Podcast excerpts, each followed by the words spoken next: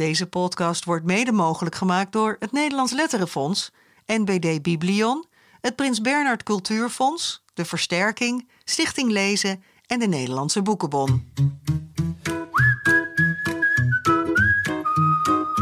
Dit is de grote vriendelijke update met Jaap Frieso en Bas Maliepaard, een onderdeel van de grote vriendelijke podcast. Een propvolle aflevering, Bas. Want er is echt heel veel kinderboekennieuws. En we hebben zelf ook het nodige te melden. Dus uh, zullen we maar snel beginnen? Lijkt me een heel goed plan, Jaap. Om te beginnen nog even een uh, bericht naar aanleiding van onze vorige update. Want we spraken daarin over een Oekraïns kinderboekenschrijvers-echtpaar uh, uit, ja, uit Oekraïne. Dus een Oekraïns kinderboekenschrijvers. ja, Spreek jij die namen maar even uit. Ja, precies. Romana Romanishin en Andriy Lessiv. Hè. Ja. De oorlog was toen net begonnen. En precies op dat moment verscheen de Nederlandse vertaling van hun eerste uh, ik, zie, ik zie bij uitgeverij Lano. Ja, wat precies in de kleuren van de Oekraïnse vlag. Precies. Nou, en er waren toen nog grote zorgen omdat er uh, geen contact was met de makers en de uitgever in Oekraïne. En die zorgen die zijn er op zich natuurlijk nog steeds. Zeker nu Lviv, de stad waar zij wonen ja. en, en werken, uh, ook wordt aangevallen. Maar gelukkig is er inmiddels wel contact geweest en maken ze het naar omstandigheden vooralsnog goed. En inmiddels is ook bekend dat een ander prentenboek van het duo, waar we toen ook al even over gehad ja. hebben, versneld uh, wordt vertaald en uitgegeven. Dat boek heet in het Nederlands nu De dag dat oorlog naar Rondo kwam. Okay. En dat is, hebben ze geschreven een aanleiding van de annexatie van de Krim destijds. En uh, dat gaat over hoe het leven in een dorpje verandert als er oorlog uitbreekt. Ja. En dat is natuurlijk enorm actueel, ja, bizar echt actueel. van die boeken die ineens... Er zijn veel meer boeken die ineens... Het boek van Els Beerten, wat wij bespraken... Hè, van Els Beerten Ja. of de gasten was ineens ook heel actueel. Maar de tunnel van Anne Woltz is ineens ook dat je denkt... hé, hey, schuilkelders, ondergrondse... Ja, die mensen die een hele andere lading. Ja. schuilen. Ja. Maar dit natuurlijk nog extra, omdat zij ook nog zelf uit Oekraïne komen. Ja, ja. nou, ze zijn eh, daar heel eh, blij mee. eh, Ja. gegeven de omst- omstandigheden natuurlijk een beetje een raar woord, maar ze zijn er heel blij mee dat het nu in het Nederlands ook gaat verschijnen. En Lano die hoopt dit boek eind mei op de markt te kunnen brengen. En van ieder verkocht exemplaar, dat vond ik wel mooi, gaat er 2 euro naar Giro 555 eh, voor de slachtoffers van de oorlog. En Lano maakt in elk geval 10.000 euro over. Oké, mooi. Dat, eh, ja, zeker. Hey, en dan kunnen we nog wat dingen bekendmaken. Ja, een heel rijtje van leuke dingen. Want het leven begint weer echt. Alles is open. Het is maart en de zon schijnt. Het is zomertijd. Dus eh, we gaan er weer voor. Eh, de jaarlijkse Annie M. Smit-lezing bijvoorbeeld. Die vindt weer live plaats in een zaal met echte mensen. Heel met, fijn, Met publiek. Ja. En op woensdag 18 mei in het Kinderboekenmuseum. En Marit Turnquist die gaat die lezing verzorgen. Dat hebben ze al bekendgemaakt. Hè. En het heeft als titel... heeft de lezing Waar ligt de grens? Mhm. De kaarten voor de avond zijn al uitverkocht, maar, en dat is dan het leuke nieuws, wij gaan hem weer registreren. Ja, Ja, want hebben we al heb- eerder gedaan, hè? Hebben we al eerder gedaan, maar het is inmiddels dan alweer een tijdje geleden. Omdat twee jaar geleden de lezing niet doorging. En vorig jaar werd hij alleen online uitgezonden, werd hij door Koos Meijnerts eh, gehouden. En eh, ja, nu Ja. mogen wij ook weer, zeg maar. Fijn. Ja, ja, Ja, hartstikke fijn. En eh, nou ja, je kunt er dus niet meer live bij zijn, maar je kunt wel terugluisteren zo snel mogelijk naar de lezing eh, bij ons. Ja, en ter voorbereiding kun je natuurlijk altijd nog weer even die vorige lezing die wij hebben ge- eh, online hebben Marjolein gezet? Hof. Marjolein Hof, aflevering 11 is dat. En dat was haar eh, lezing. Ja. Ik kijk er naar uit. Ja, en dan nog iets. nog iets. Ja, we gaan grensoverschrijdend gedrag vertonen. Ja, ja, we hebben het tempo er flink in hier. Ja, hè? ja. Eh, eh, we kondigden het op social media al aan, want we gaan de grens over. In, in die zin grensoverschrijdend gedrag. Want verder zijn we heel netjes natuurlijk.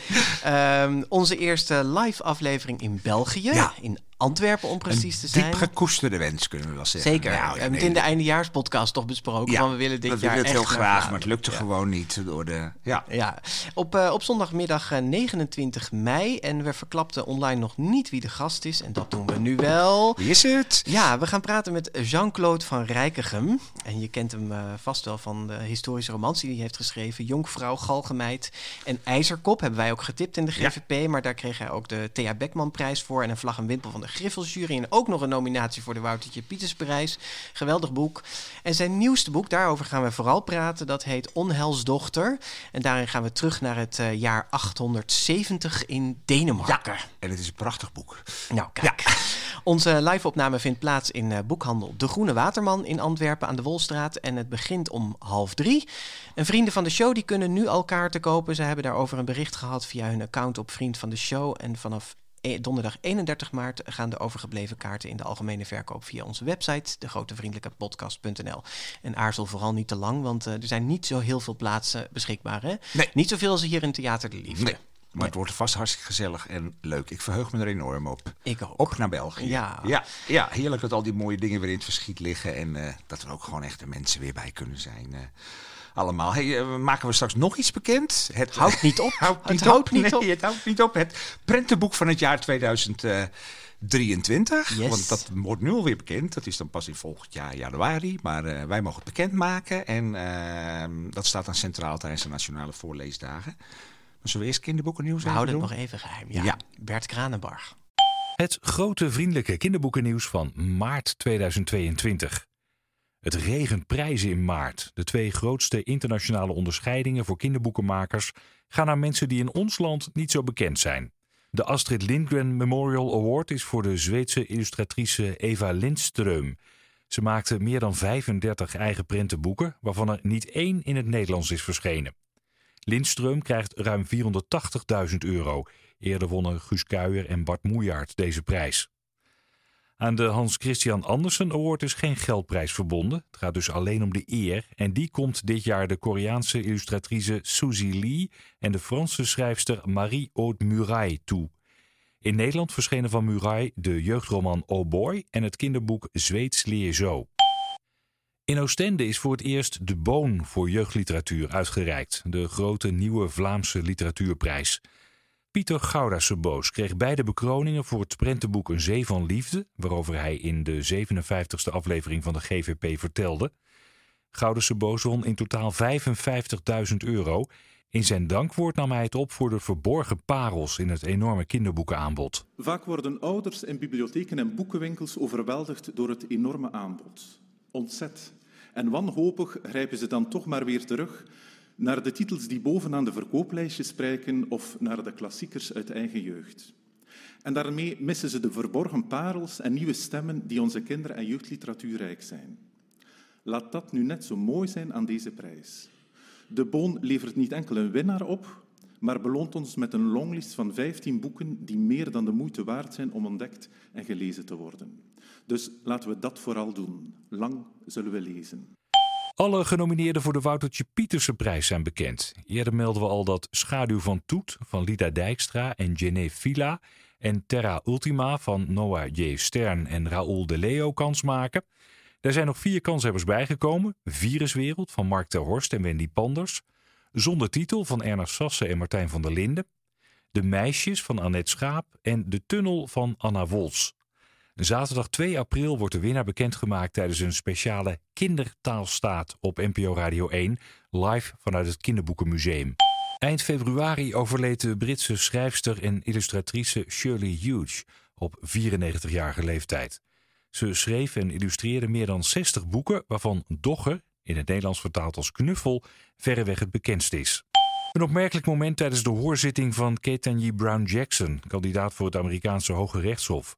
De Republikeinse senator Ted Cruz liet uitvergrote illustraties zien uit het printenboek Anti-Racist Baby van Ibrahim X. Kendi. There are portions of this book that, that, that I find really quite remarkable. One portion of the book says babies are taught to be racist or anti-racist. There is no neutrality. Het printenboek dat bij Pelkmans in het Nederlands is verschenen als De negen stappen van baby antiracist laat zien hoe vooroordelen ons met de paplepel worden ingegoten. Cruz probeerde aan te tonen dat de beoogde opperrechter extreme standpunten aanhangt, maar zijn actie had een onbedoeld neveneffect. Anti-Racist Baby werd in de dagen erna een bestseller. De Noorse schrijver Jostein Gaarder komt met een vervolg op zijn invloedrijke filosofische jeugdroman De Wereld van Sophie uit 1991.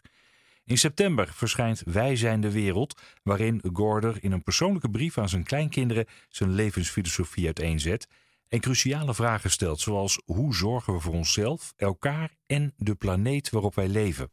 Over filosofie gesproken, april is in Nederland de maand van de filosofie, waarbij de laatste jaren een kinderboek wordt uitgegeven.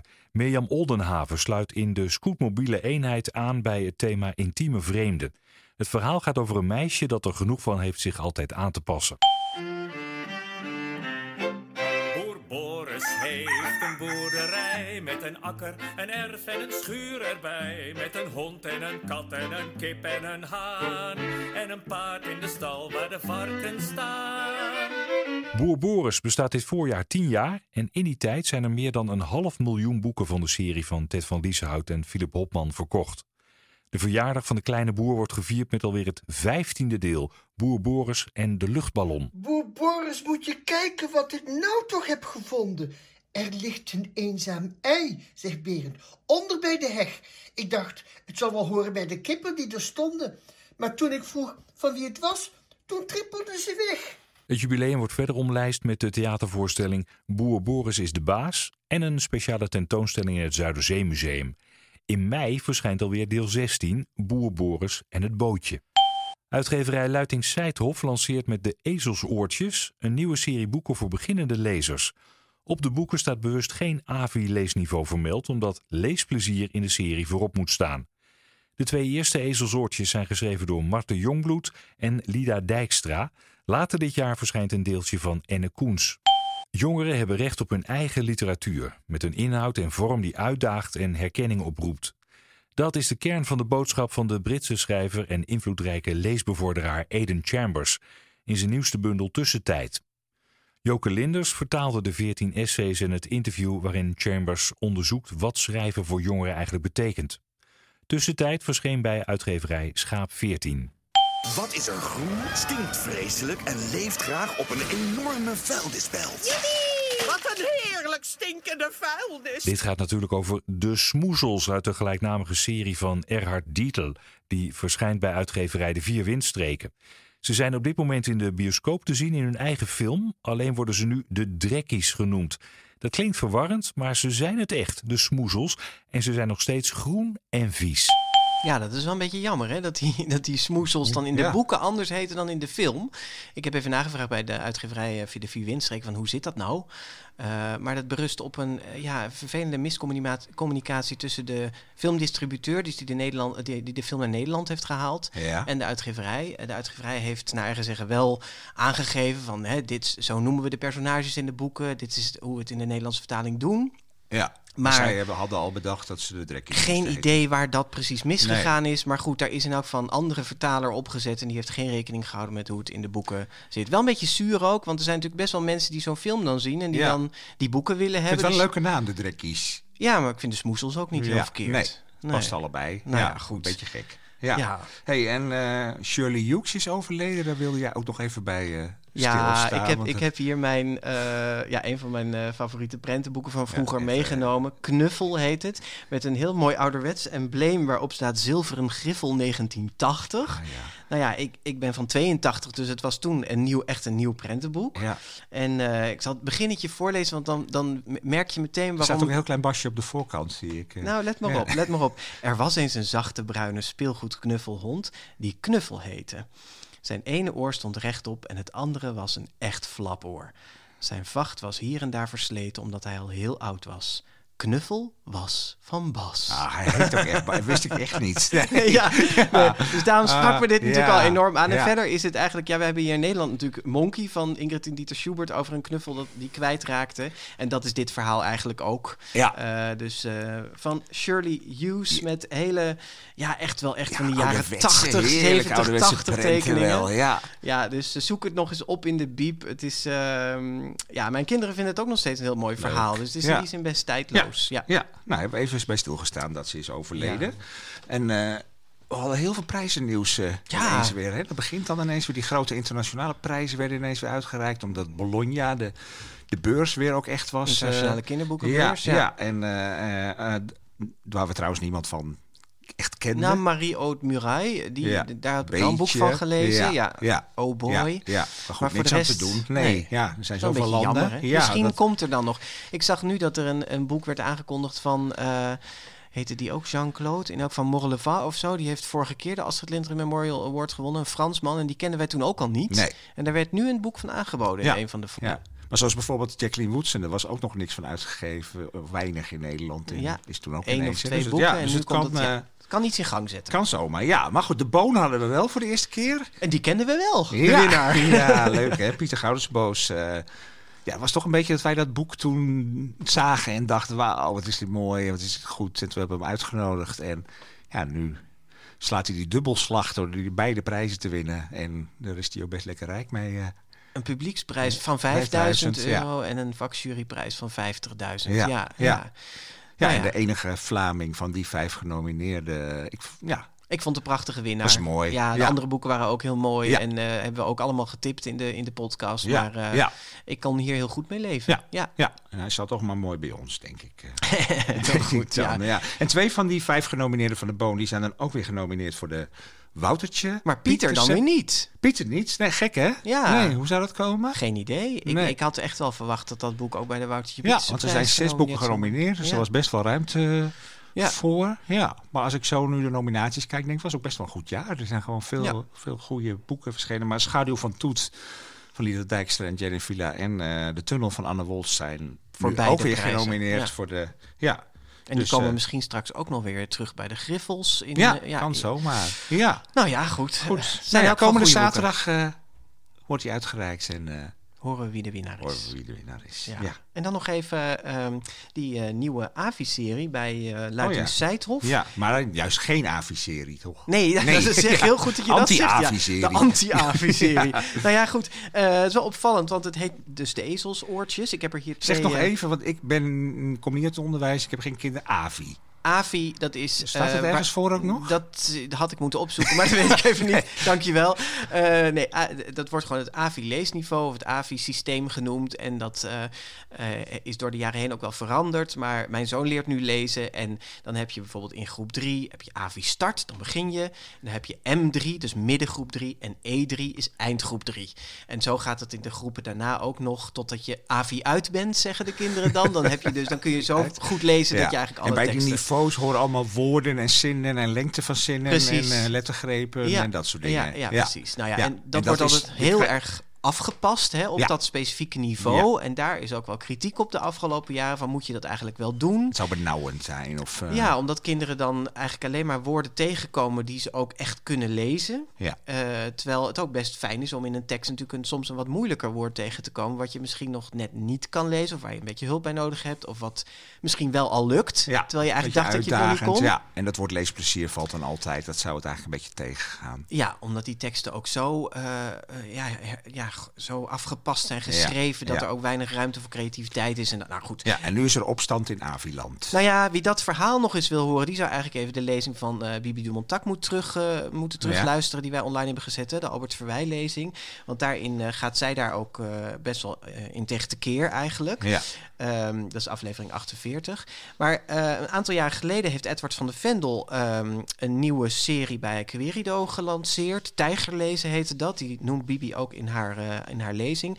En dat waren boeken die eigenlijk afstapten van dat vermelding van dat AVI-niveau, maar gewoon ja, iets rijkere teksten, iets creatief, creatievere teksten presenteerden. Um, ja, die wel nou, eenvoudig zijn. Hè? Dus wel, uh, je hebt ze in verschillende moeilijkheidsgraden, mm. zeg je dat zo? Ja, mag best. Ja, ja. maar uh, dus niet helemaal specifiek op echt naar, naar de regels van nee. één AVI-niveau geschreven. Nee, dus er wordt wel een beetje rekening gehouden met dat beginnende lezers zijn. Precies. Maar het gaat vooral om het lekkere verhaal. Om, ja, daar zitten bijvoorbeeld de boeken van Bob Popcorn in. En Rotkat van Janneke Schotveld. En Bibi Dumontak en Edward van de Vendel zitten daar zelf ook in met boeken. En die serie, die doet het hartstikke goed. Er staat hier ook een prachtige display hier naast ons in de, in de winkel. En die boeken die ja, hebben in die zin dat echt wel een beetje doorbroken ook misschien wel.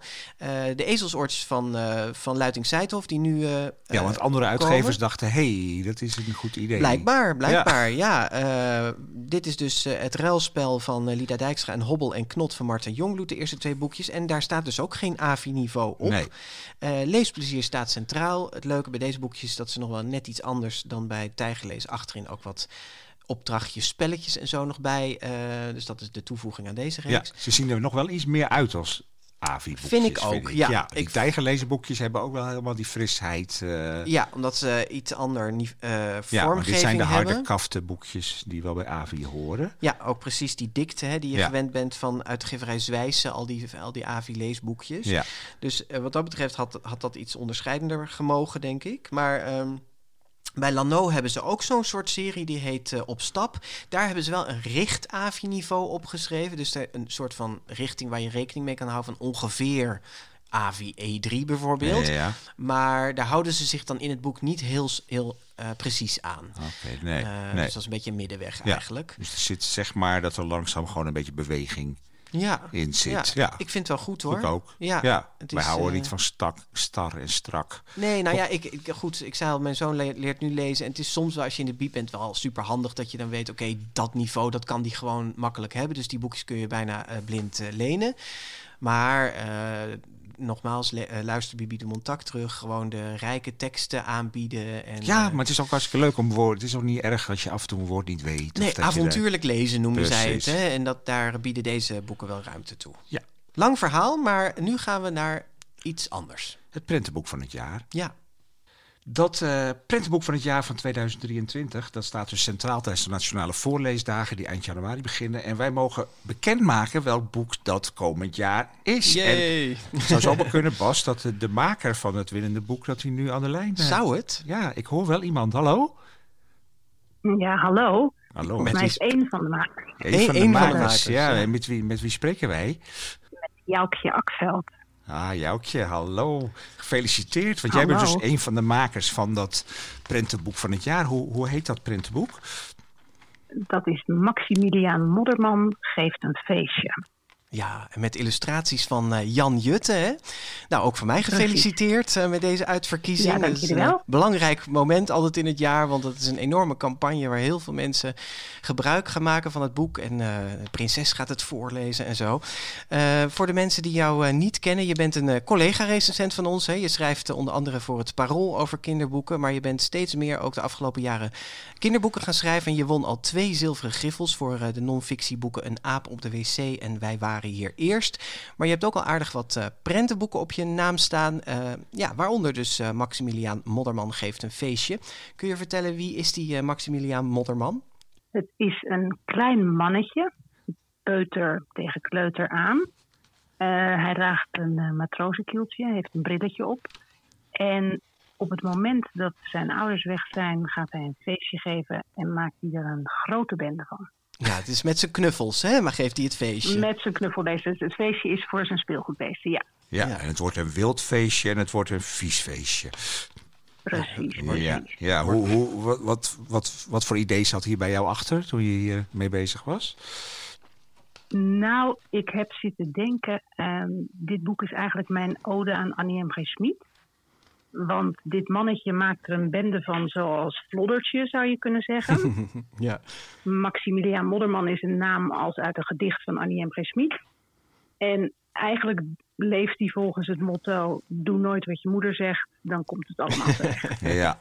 Ja, hij, hij, hij- maar dan voor dus hele kleintjes. Ja, dat is echt wel een peut. Het zit meer aan de, aan de onderleeftijd hè, van de voorleesdagen. Het is Ja, meer een absoluut, peuter, eh, absoluut. peuterverhaal. Ja.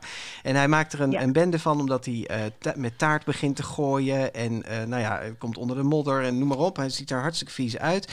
En eigenlijk is het de, de running gag in het boek dat er steeds meer dingen in het bad verdwijnen. Hè. Zijn trui moet in het bad. En uiteindelijk de beesten, zijn knuffelbeesten in het bad. En nog de, De eh, taart. Ja, de taart, taart gaat in bad. in bad. En een boek gaat in bad. Ja, Ja, dan, wordt, dan wordt het echt heel vies. Ja. Ja, ja, en dan komen natuurlijk die, die ouders komen dan eh, thuis, zoals dat gaat. Ja, en dan komt het grote schrikmoment. Want Ja. als kind denk je dan natuurlijk maar één ding. Nu krijg ik ongelooflijk op mijn sodemieter. Ja, ja. Ja.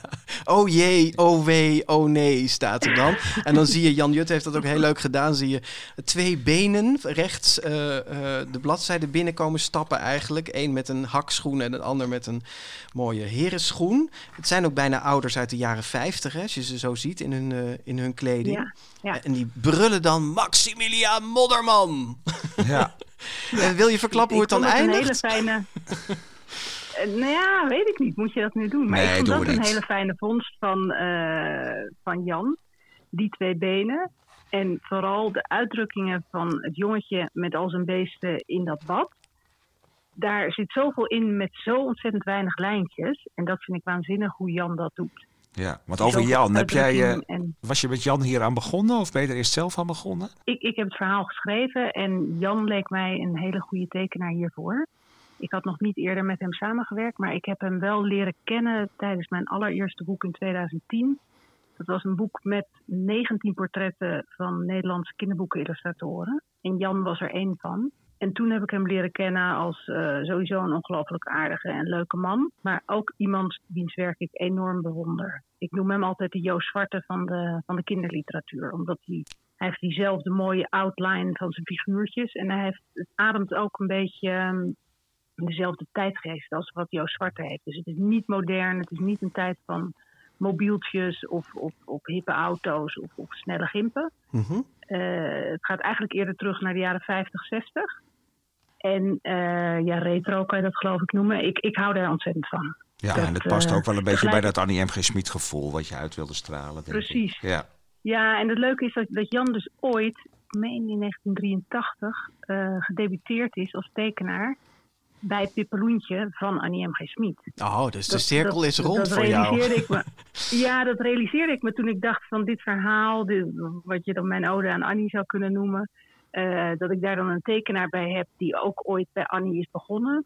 Ja, Ja. Ik, vond dat, ik vond dat mooie elementen bij elkaar. Hey, en Jan Jut is niet de minste. Hè? Het is wel een kanon in de kinderboeken illustraties. Hij heeft meerdere gouden penselen Drie, gewonnen. dacht ik, ja. Drie, geloof Ja. ik, ja. Ja.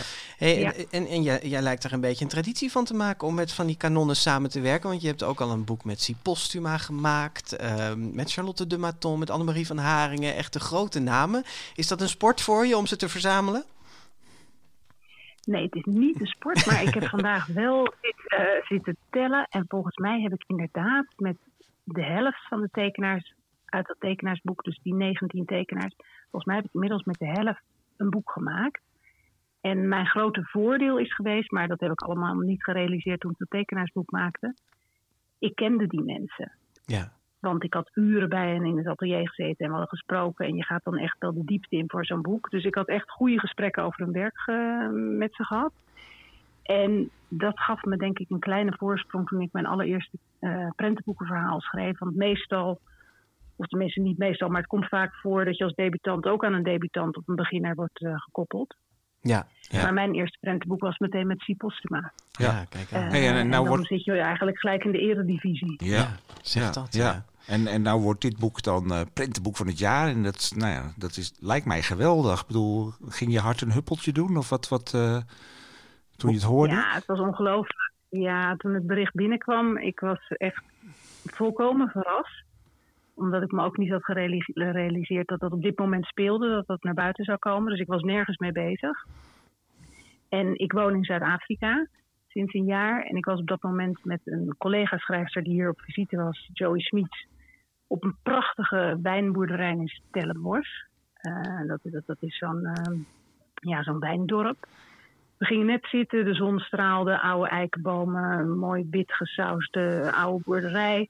Ik open mijn telefoon en toen was er dit bericht. Nou, ja, feestelijker. Je viel van je stoel.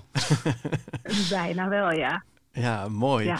Hey, En de wijn werd meteen besteld. ja, dat kan ik me voorstellen. Nou wordt er elk jaar een, eh, een vingerpopje bij het eh, prentenboek van het jaar gemaakt. Hè? Is al bekend welk van de figuren het popje gaat worden? Ja, het voorleesknuffeltje, dat wordt eh, de hoofdpersoon. Dus dat wordt Maximiliaan Maximiliaan. zelf. Oh, heerlijk. Maar je zegt een Ja. voorleesknuffeltje, is dat iets anders dan een vingerpopje?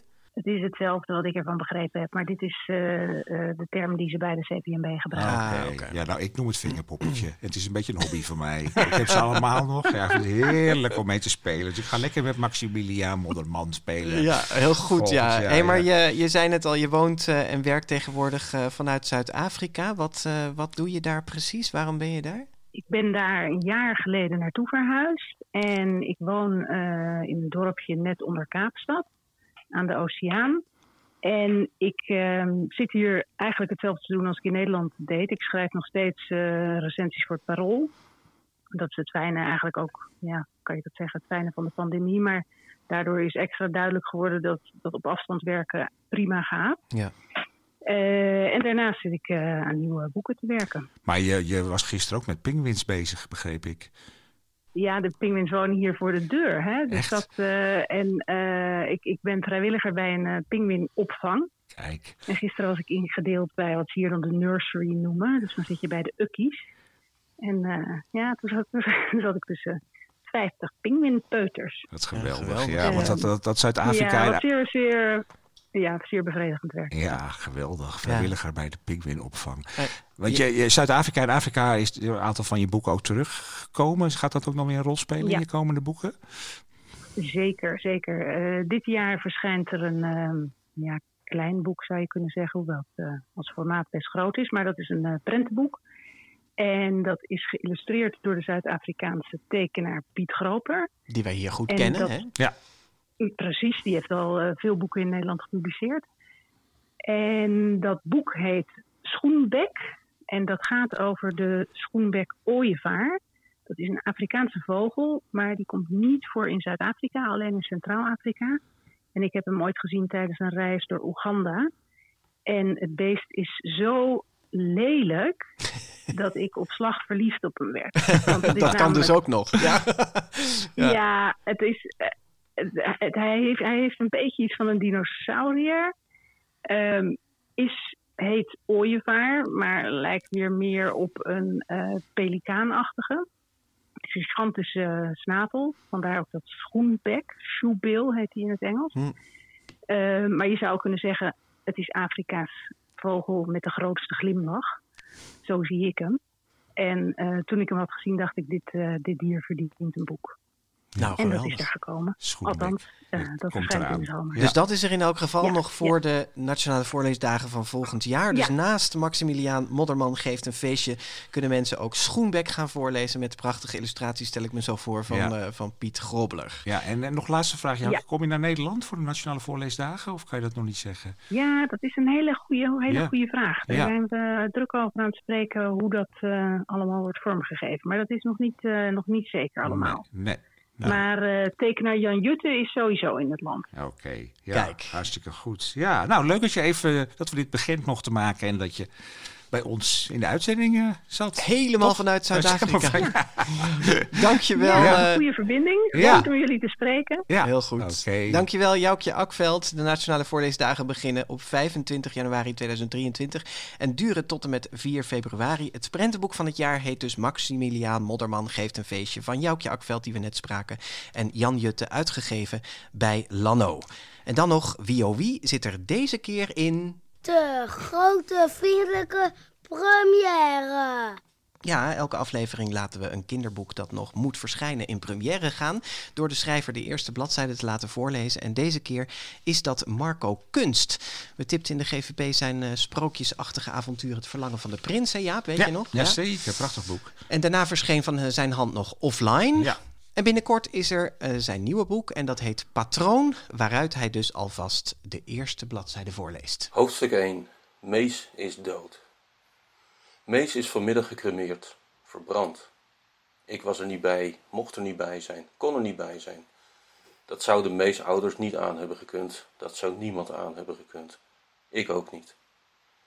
Ik denk dat verder iedereen er was, zijn familie natuurlijk, de hele school, alle leerlingen en leraren, de halve buurt, kennissen, vrienden van de familie en zelfs die gieren van de lokale omroep, denk ik. Maar niet zijn beste vriend. Ik was er niet bij. Mam zat beneden in de woonkamer. Ik zat boven op mijn kamer.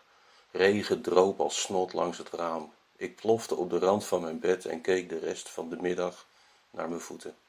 Maar ik zag mijn voeten niet. Ik zag de hele tijd die smerige kabouter voor me. Die fikkende tuinkabouter van Mega Jimmy.